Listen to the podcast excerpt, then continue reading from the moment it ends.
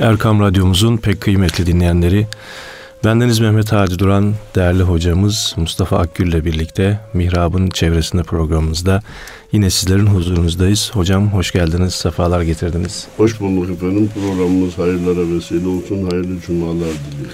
Allah'ın izniyle hocam programımız hayırlara vesile oluyordur. Sizin o e, bilgi dağarcığınızdan e, istifade ediyoruz.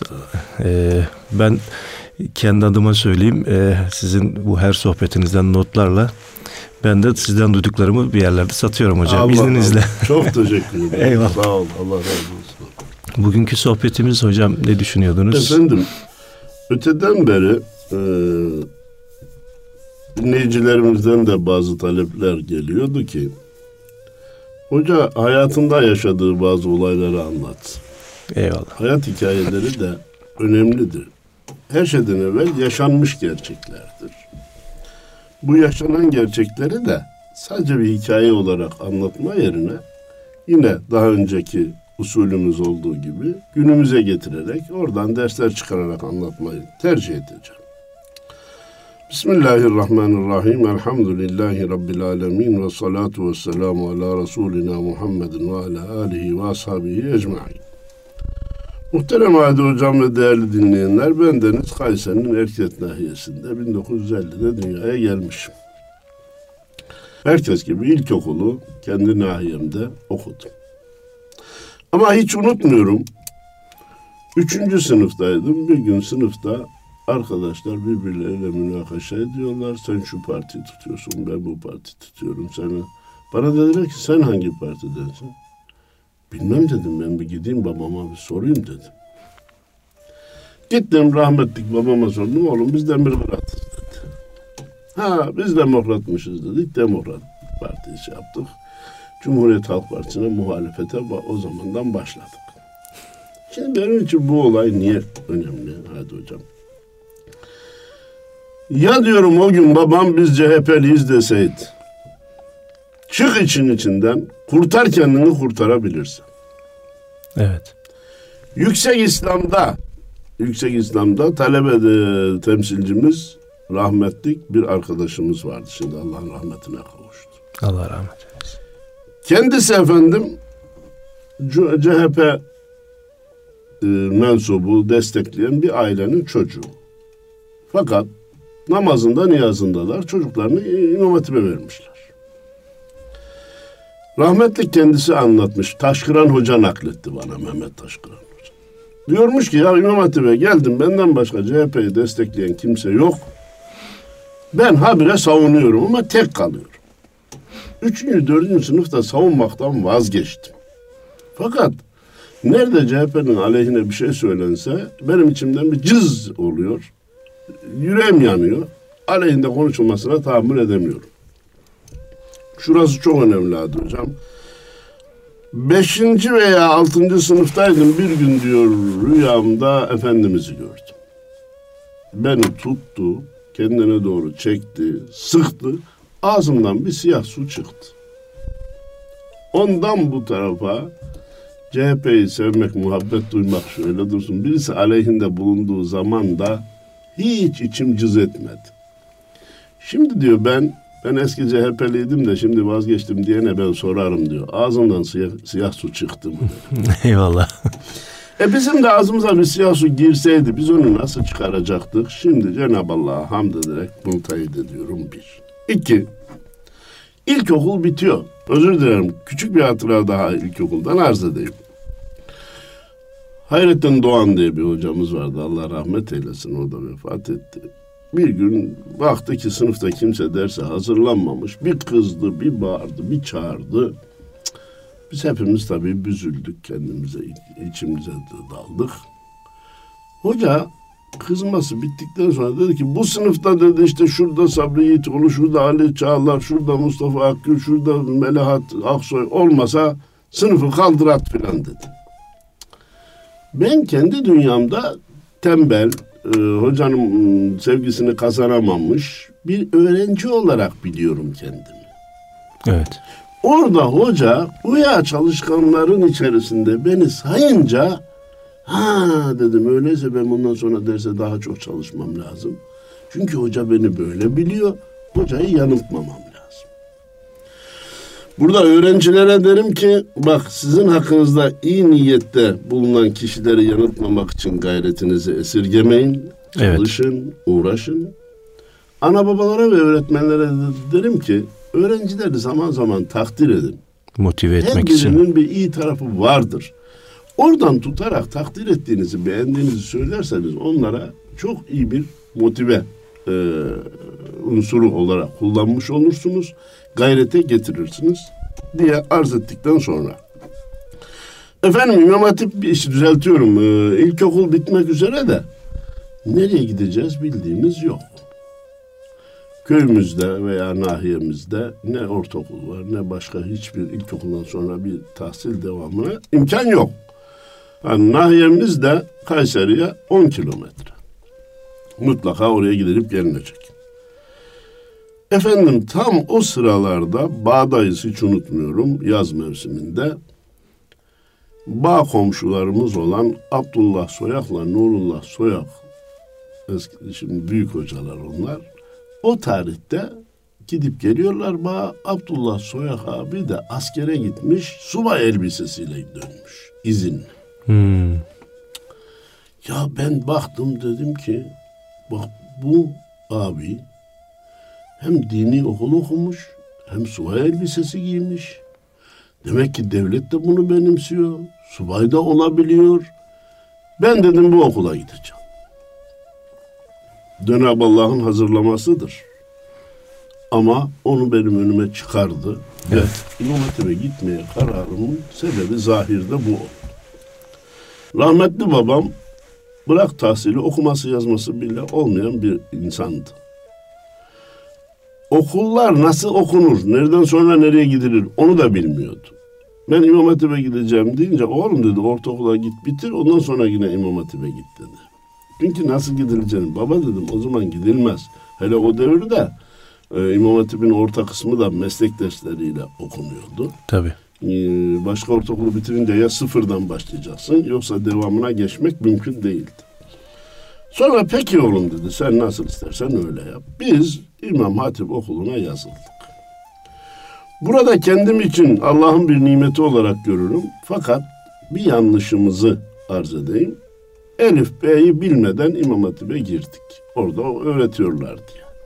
Oysa ki ben şimdi bir hazırlık döneminin olmasının çok faydasına inanıyorum.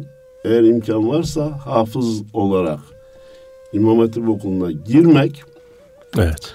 sermayesini iyi hazırlıktan hazırladıktan sonra ticarete başlamak gibidir. Biz biz orada Kur'an-ı Kerim derslerinde elbette sıkıntılar çektik çünkü e, sınıf kalabalık hadi hocam. Evet. Hoca her bir öğrenciyle birebir meşgul olamıyor. Kesinlikle. Efendim çalışın çocuklar dersinize haftaya tekrar geliyor. Sen oku sen oku sen oku.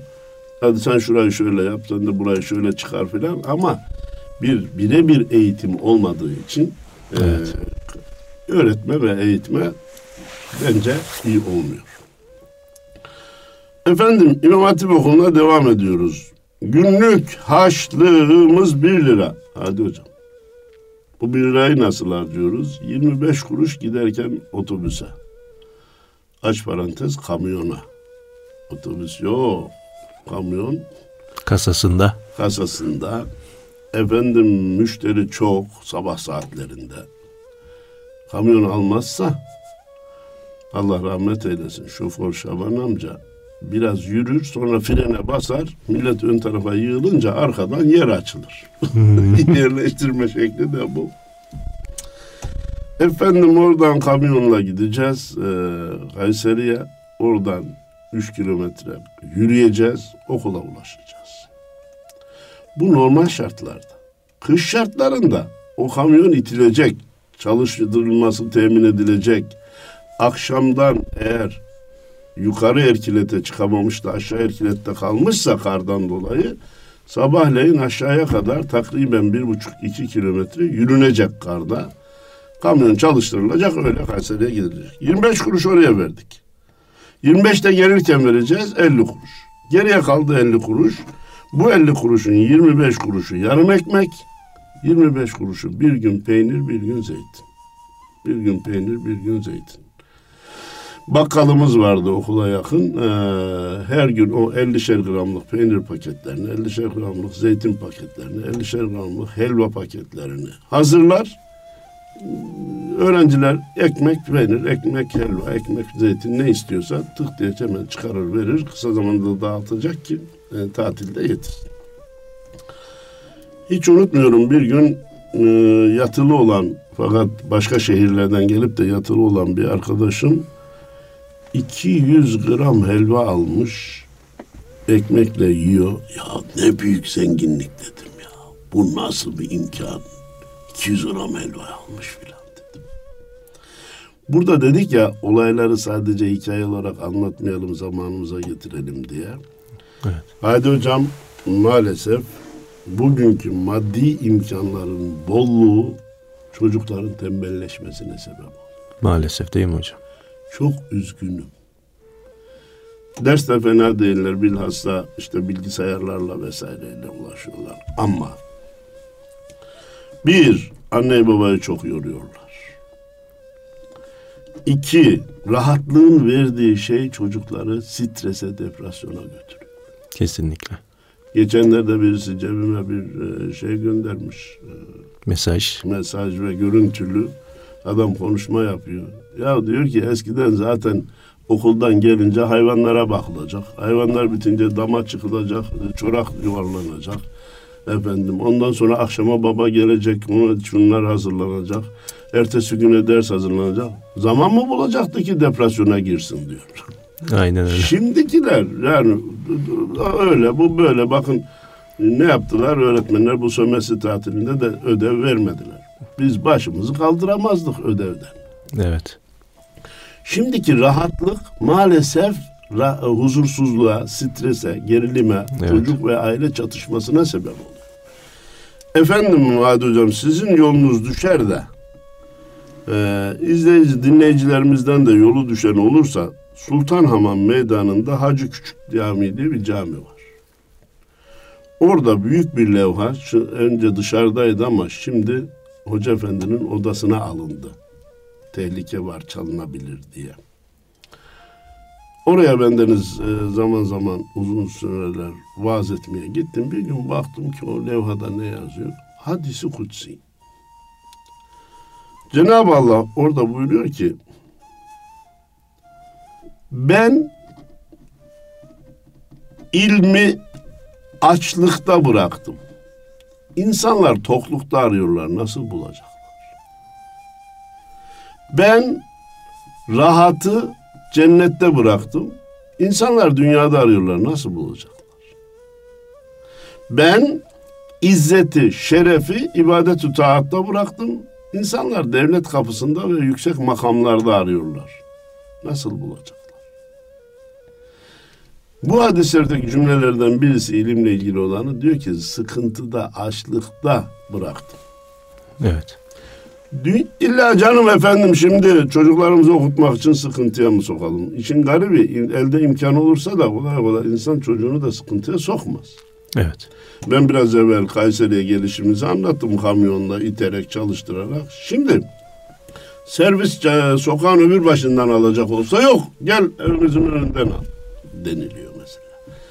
E, evet kolay kolay e, bu mevcut imkanlar terk edilmez ama bir mevcut imkanları iyi olmayanlar kendilerini çok üzmesinler.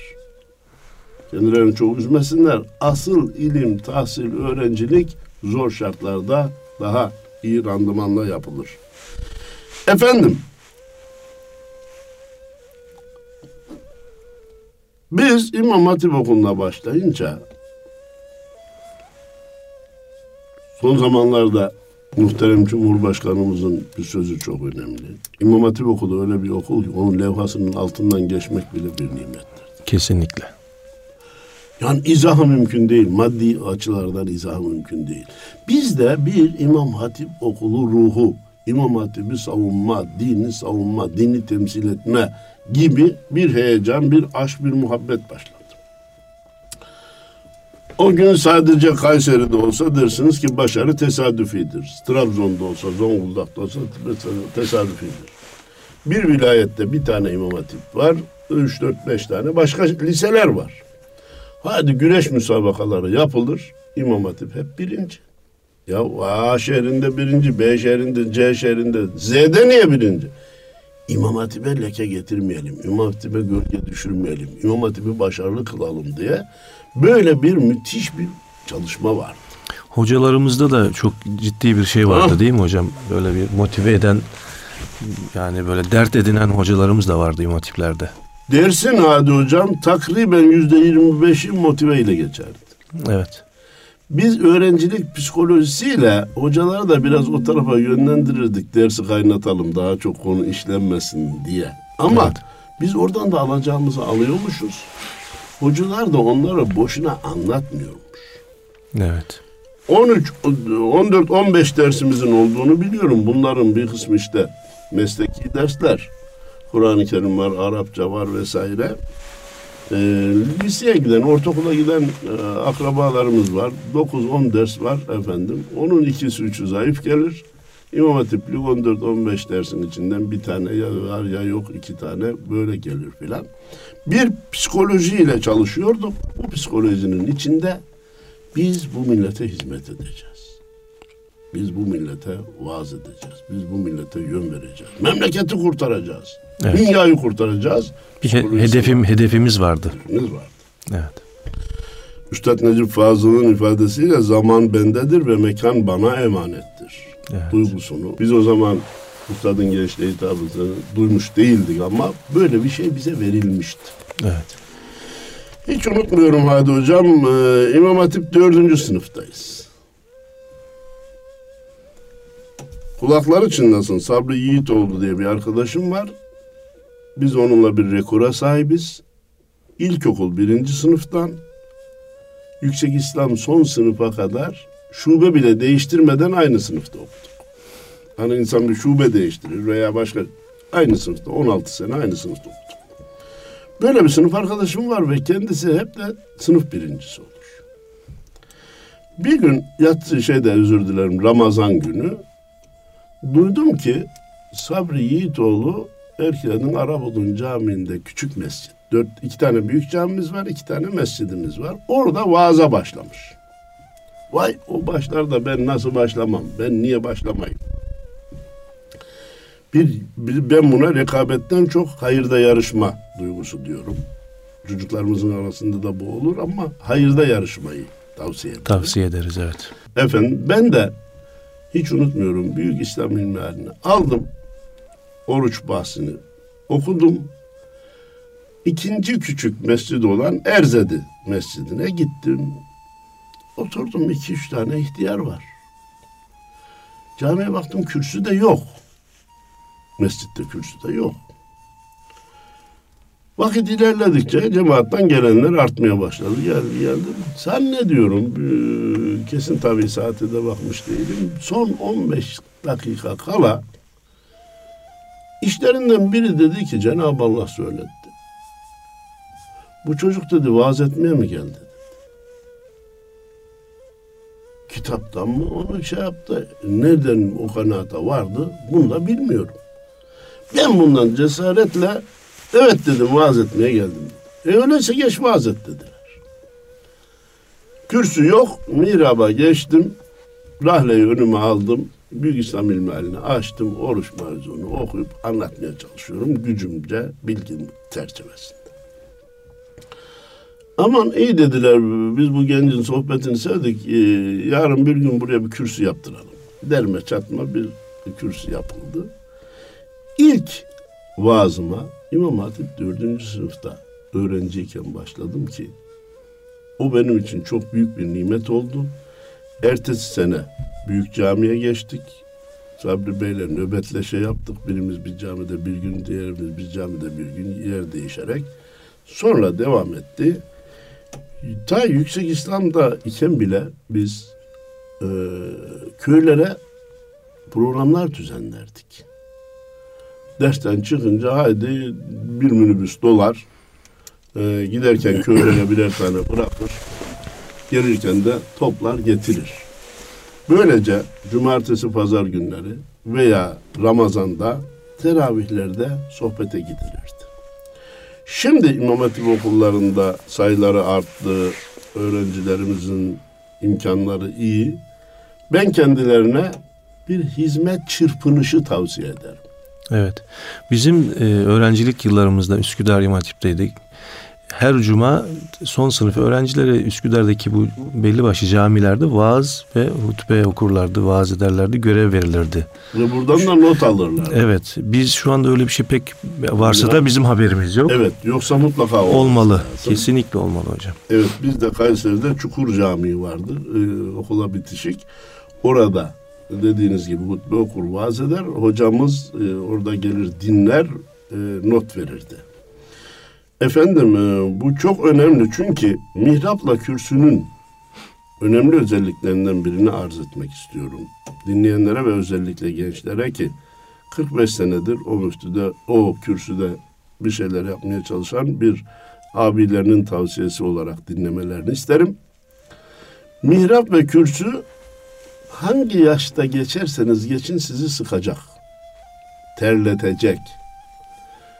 Bir efendim badanaja sokacak. Bunu erken yaşlarda hallederseniz hem dinleyenler mazur görür, normaldir, gençtir der. Hem siz de çok problem edinmezsiniz. Ya yeniyiz işte tabii bunlar olacak dersiniz. Ve devam eder. İleride de bu iş atlatılır. Efendim ben tamam derslere iyi çalışıyorum. Hatta kalemim de iyi yazıyorum şu bu. Ama kürsüye hele sonra çıkayım derseniz. Mihraba sonra geçeyim derseniz kaç yaşında geçerseniz geçin o acemiliği çekeceksiniz.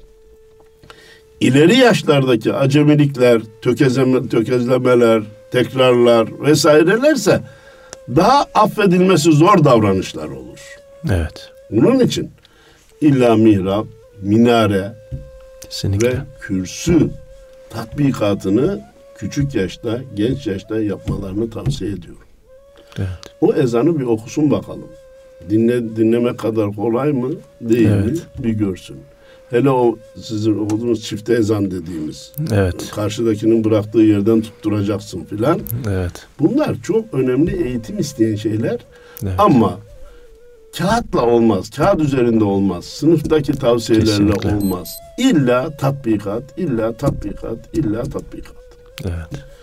Orada işte zaman ayarlama meselesi de tatbikatla öğrenilecek. Evet. Çok notlar alırsınız. Ee, çıkarsınız.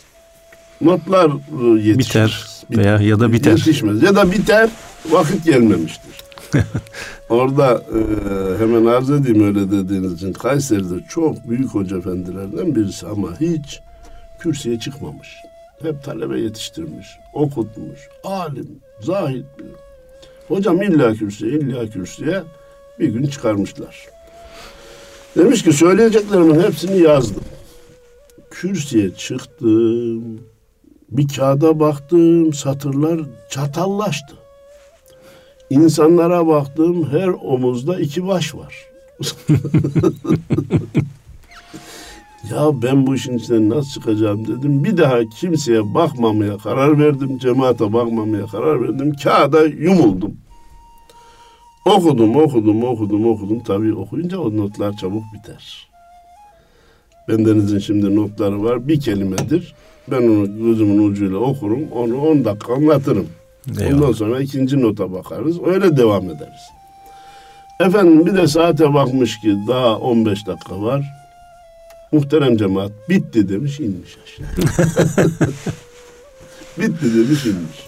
Ha burada bilhassa genç meslektaşlarıma 15 dakika uzun zamandır kürsüde tüketilmesi kolay bir zaman değildir. Ama bazen 5 dakika 6 dakika kala notlar bitmişse efendim muhterem cemaat sohbetimize sonradan gelenler oldu.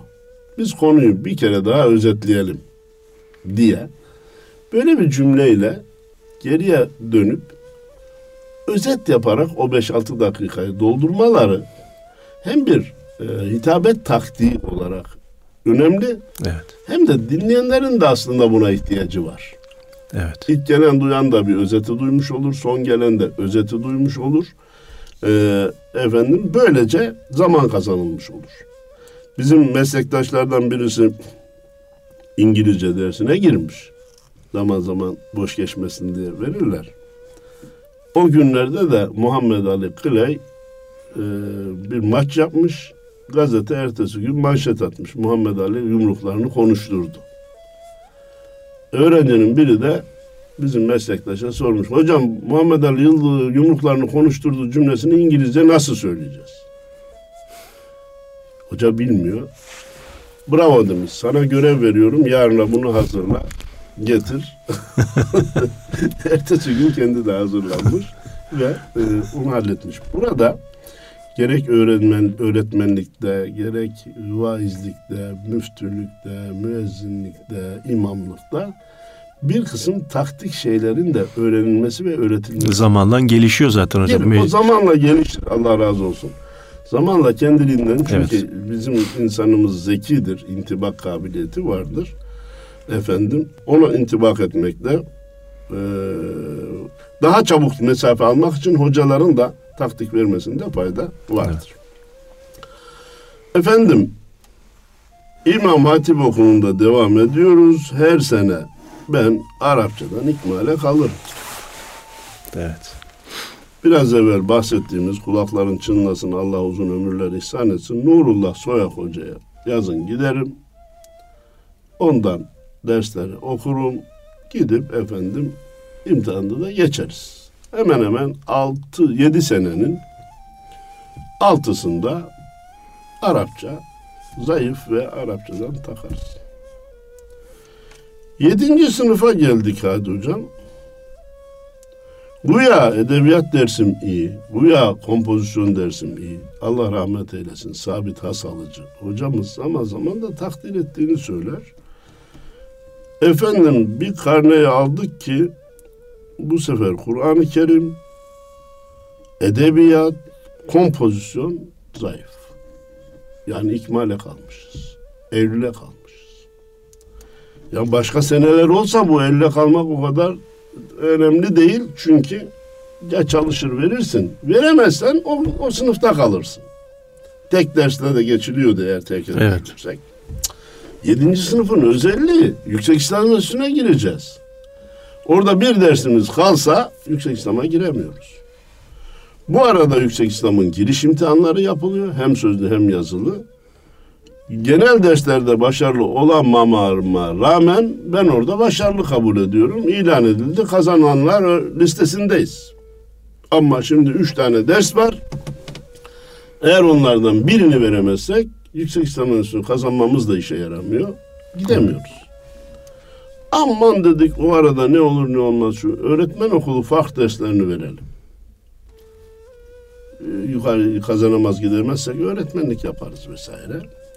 Oraya teşebbüs ettik. Efendim o zamanlarda İmam Hatip okulunu bitirenler başka hiçbir fakülteye gidemiyorlardı.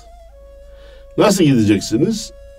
Diğer liseye gideceksiniz. Normal lise derslerinden fark vereceksiniz. Oranın diplomasını da alıp ondan sonra e, üniversite imtihanına girip puan tutturursanız gideceksiniz. Öyle yapan arkadaşlarımız oldu. Fakat ben buna teşebbüs cesareti gösterenlerden biri değildim.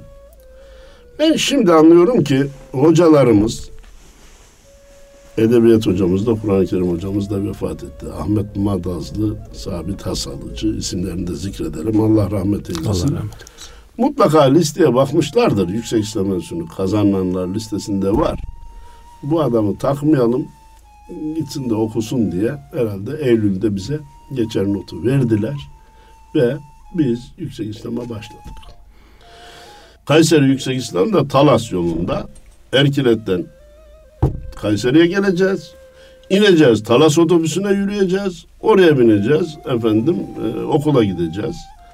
Okulda derslerden sonra aynı güzergahla tekrar Erkile'de döneceğiz.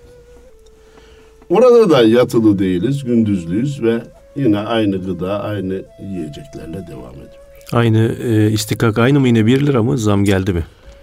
Ee, belki 150 kuruş olmuştur çünkü otobüslere de evet. zam geldi. Efendim ancak bu ya biraz büyüdük ya. İmam Hatip okulu beşinci sınıfta da başladığımı zannediyorum. Hadi hocam. Benim için çok hayati ve Allah'a hamd vesilesidir. Cenab-ı Allah'a hamd ederim. Yaz günleri Kayseri'de dört tekerlekli arabalar var. Onlarla hammallık yapmaya başladım. Çünkü babam Kayseri Sümer Fabrikası'nda işçi. 300 lira maaş alıyor.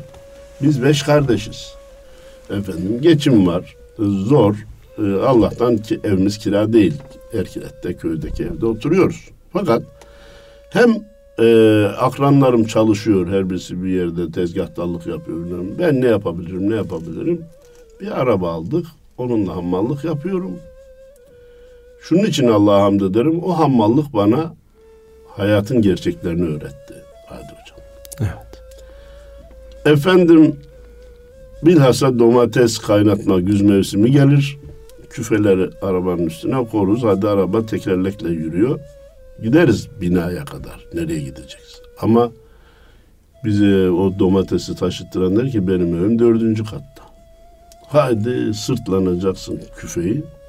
Dördüncü kata çıkaracaksın. Çıkarken de domatesin suyu arkadan akacak. Arabanın el tuttuğumuz yerlerdeki çivileri var. Hadi hocam onlar pantolonumun ön taraflarını deler. Akşam, gündüz önemli değil. Benim gibi hamallık yapan arkadaşlarla dolaşıyorum. Akşam otobüse bineceğiz ya kamyona otobüse. O arada bir otobüsümüz oldu. Bazen otobüs geliyor bazen kamyon geliyor. Onunla Erkilet'e giderken arkadaşlarım var orada. Onlar da başka yerde çalışıp gelip biniyorlar. Ben hemen o e, sökülen yerlere veya delik yerlere elimi korum efendim. Orayı görmesinler diye. Efendim o çivilerin e, deldiği pantolonlarla e, takriben dört sene yazın hamallık yaptım. Beşinci sene e, bir şeyler alıp satmaya çalıştım sebze. E, bazen arabanın üstüne çeşitleri yapıyorduk. Domates, biber, patlıcan vesaire. Bazen tek çeşit e, efendim erik, şeftali gibi. Onları satarak ailenin bütçesine katkıda bulunmaya çalışıyorduk. Şimdi sevgili öğrenciler, yazın ben hangi kampa gideceğim? Babacığım beni nereye göndereceksin? Orayı beğenmiyorum. Ora artık eskidi. Ora bilmem ne diye böyle yerden yer beğenmeye çalışıyorlar. Biz gençlerin daha iyi imkanlarda yaşamasından zevk duyarız. Fakat gelecek nesil bu cep telefonuna, bilgisayara, internete maalesef öyle bir bağımlılıkla bağlanmaya başladı ki Evet. doktorlar şu anda onun en az madde bağımlılığı kadar tehlikeli olduğunu Kesinlikle. söylüyorlar. Bir kere beyin hücrelerine zarar veriyor. Efendim psikolojisini bozuyor. Kesinlikle. Gençler bunu bu kadar yapmayın. Benim şahsi kanaatim o ki önümüzdeki 10 seneden sonra millet bunu eline almamaya başlayacak. Fakat bu 10 senede çok evladımıza yazık olacak. Evet. Hatırlar mısınız siz e, televizyonun ilk çıktığı zamanları? Tabii ki. Bütün mahalle halkı da toplanır. Efendim, Evet, bir evde toplanırdı bir film seyretmek film için. seyredilirdi. Sonra evlerde olunca da misafir gelse bile öyle televizyon açılış yap. Şimdi televizyon o eski geçerliliğini kaybetti. Son duyduğum haberler de beni rahatlattı. Gittikçe bu diziler de Evet. TRT'ninki hariç, TRT'nin dev dizileri var. Evet. Onlar hem mesaj veriyor Mesajlı. hem de ilgi, ilgi topluyor. Bir de bu evlenme programları, kadın kuşağı programları gittikçe seyirci kaybediyor. Ben ülkem adına buna seviniyorum. Evet. Ülkem adına buna seviniyorum. Şimdi bütün buraya nereden geldik? Ben hammallık yaptım. Cenab-ı Allah'a hamd ediyorum. Bugünkü öğrenciler rahatlık üzerine rahatlık içinde yaşarken bu nimetlerin kıymetini bilsinler. Anıya babaya problem çıkarmasınlar. Vaktimiz nasıl? Hocam toparlayabiliriz. Öyle mi? Haftaya da devam edebiliriz bu hatıralar. Bence de e, bu, hatıralar, su götürür de. götürür daha tabii çok şey var. Efendim garip bir duygu. Yüksek İslam'da öğrenciyiz. Gelirimiz yok. Maaşımız yok.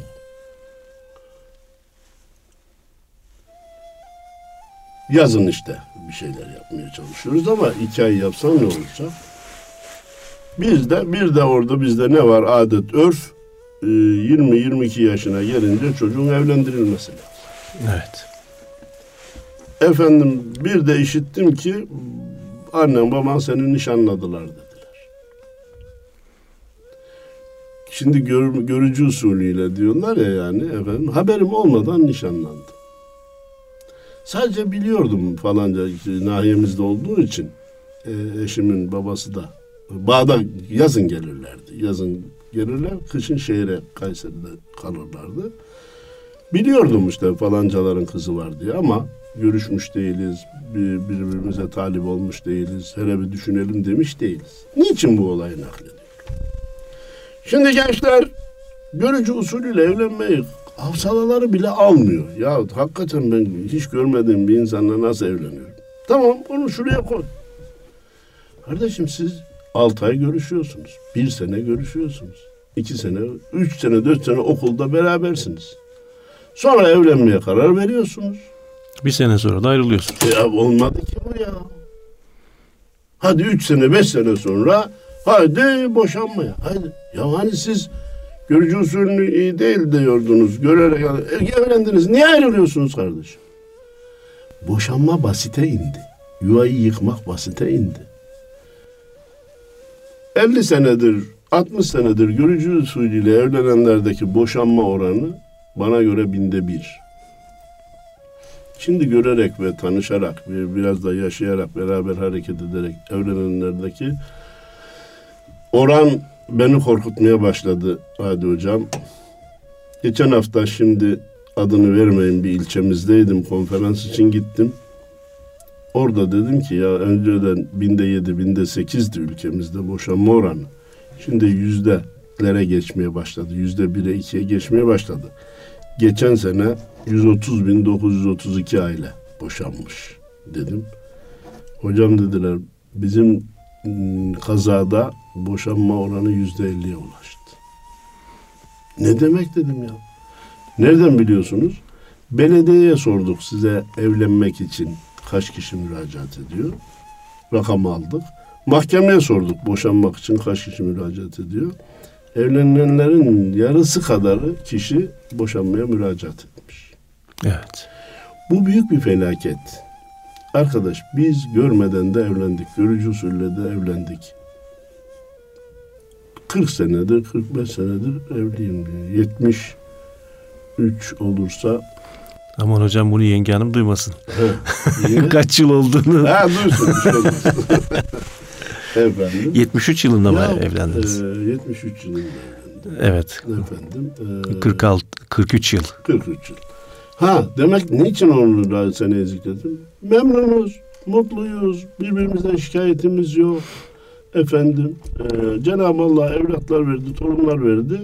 Şimdi evlatların, torunların problemi bizimkini geçti ya. Evet. Allah eksik. Efendim, toparlayalım. İmam Hatip okulunda okumak bana göre Allah'ın nimetlerinden birisidir. Eyvallah. Cenab-ı Allah bilerek değil, ailemdeki tahsil şeyinden dolayı değil, gökten lütfetti, beni oraya yönlendirdi. İşte bir o abinin durumu ona vesile oldu. Vesile kılan Cenab-ı Allah. Orada bir kısım şeyler yaşadık. Zorluklar bizi hayatın gerçeğine hazırladı. Hayati dersler verdi. Sonra okullar bittikten sonra da hizmete başladık. İnşallah bundan sonraki programda Hizmetlerle hatıraları hatıralar. nakletmeye çalışırız. Allah'a emanet olun. Değerli dinleyenlerimiz Mustafa Akil hocamızla olan sohbetimiz burada sona eriyor. Allah'a emanet olun efendim.